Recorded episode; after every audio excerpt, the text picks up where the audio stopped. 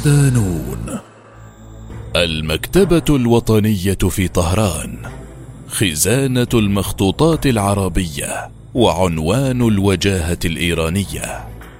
مقال لرند عطية ضمن ملف خزائن المعرفة.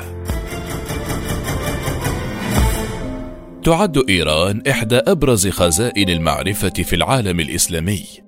إذ تقتني مكتباتها المنتشرة في معظم مدنها على أكثر من مئتي ألف مخطوطة عربية وإسلامية.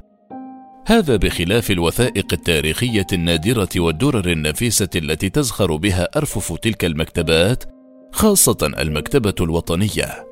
وينظر المؤرخون إلى إيران على أنها واحدة من البلدان ذات التنوع الثقافي نظرا إلى تعدد الأعراق وتباين الحقب التاريخية على حكمها فعلى مدار أكثر من ثلاثة آلاف عام تقلبت على الإيرانيين عشرات الأنظمة الحاكمة.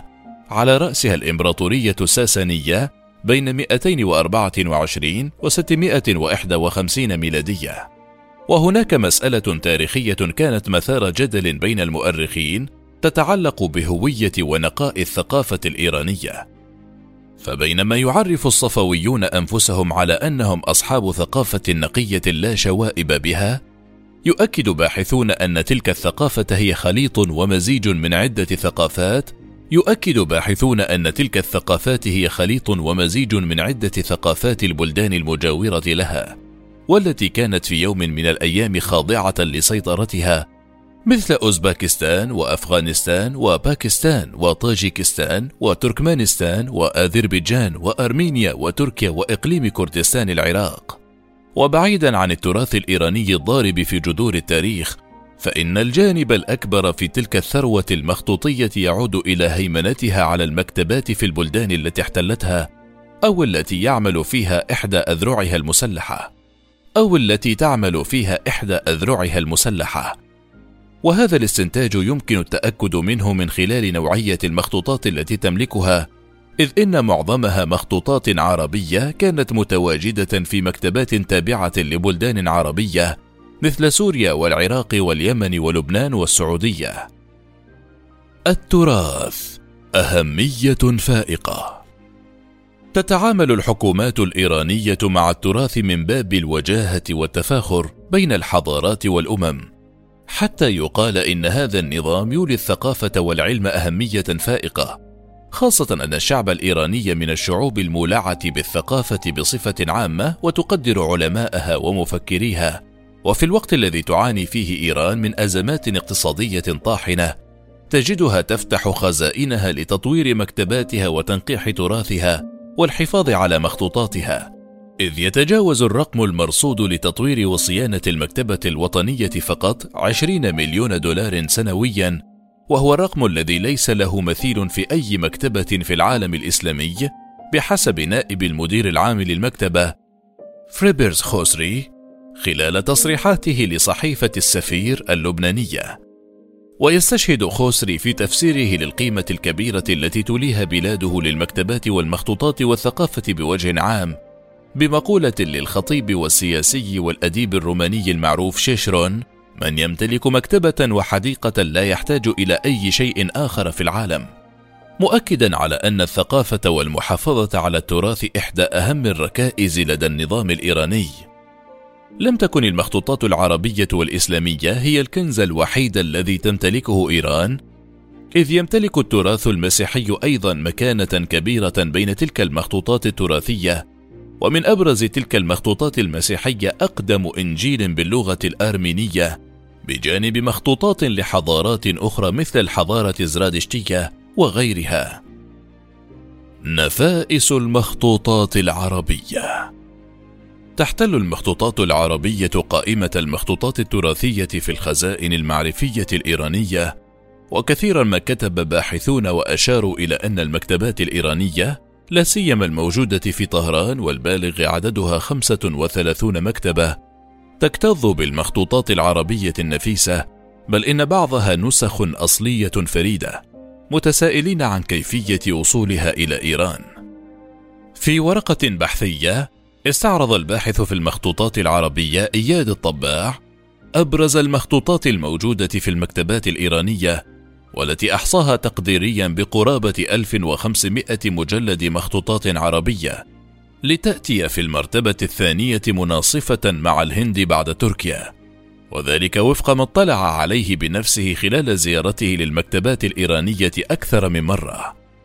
وينقل الباحث عن المؤرخ صلاح الدين المنجد حين رأس بعثة معهد المخطوطات العربية لزيارة إيران قوله: لا تزال إيران تحتفظ في مكتباتها العامة والخاصة العدد الكبير من المخطوطات العربية النادرة، وقد دهشت جدا عندما رأيت هذه الوفرة، وثمة أمر يدعو إلى الدهشة هو أن هذه المخطوطات فيها الكثير مما يرجع تاريخه إلى زمن بعيد جدا، وعلى الأخص من القرن الثالث حتى السادس، أما ما كتب بعد القرن السادس فكثير.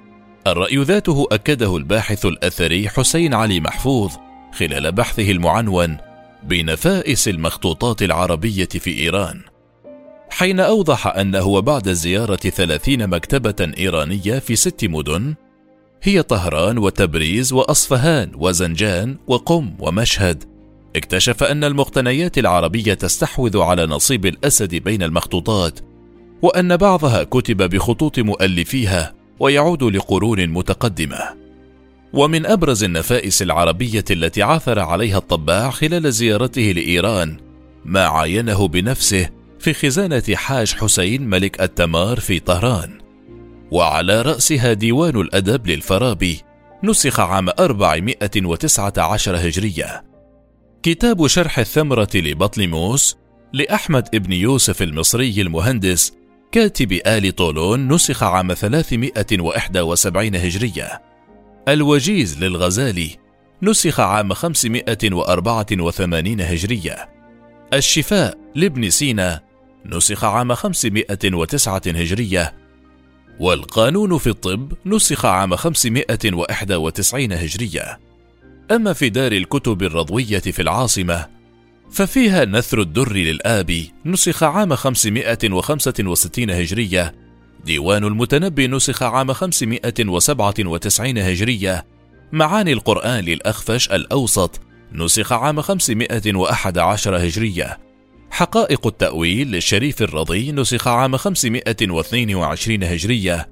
زاد المسير في التفسير لابن الجوزي نسخ عام 634 هجرية.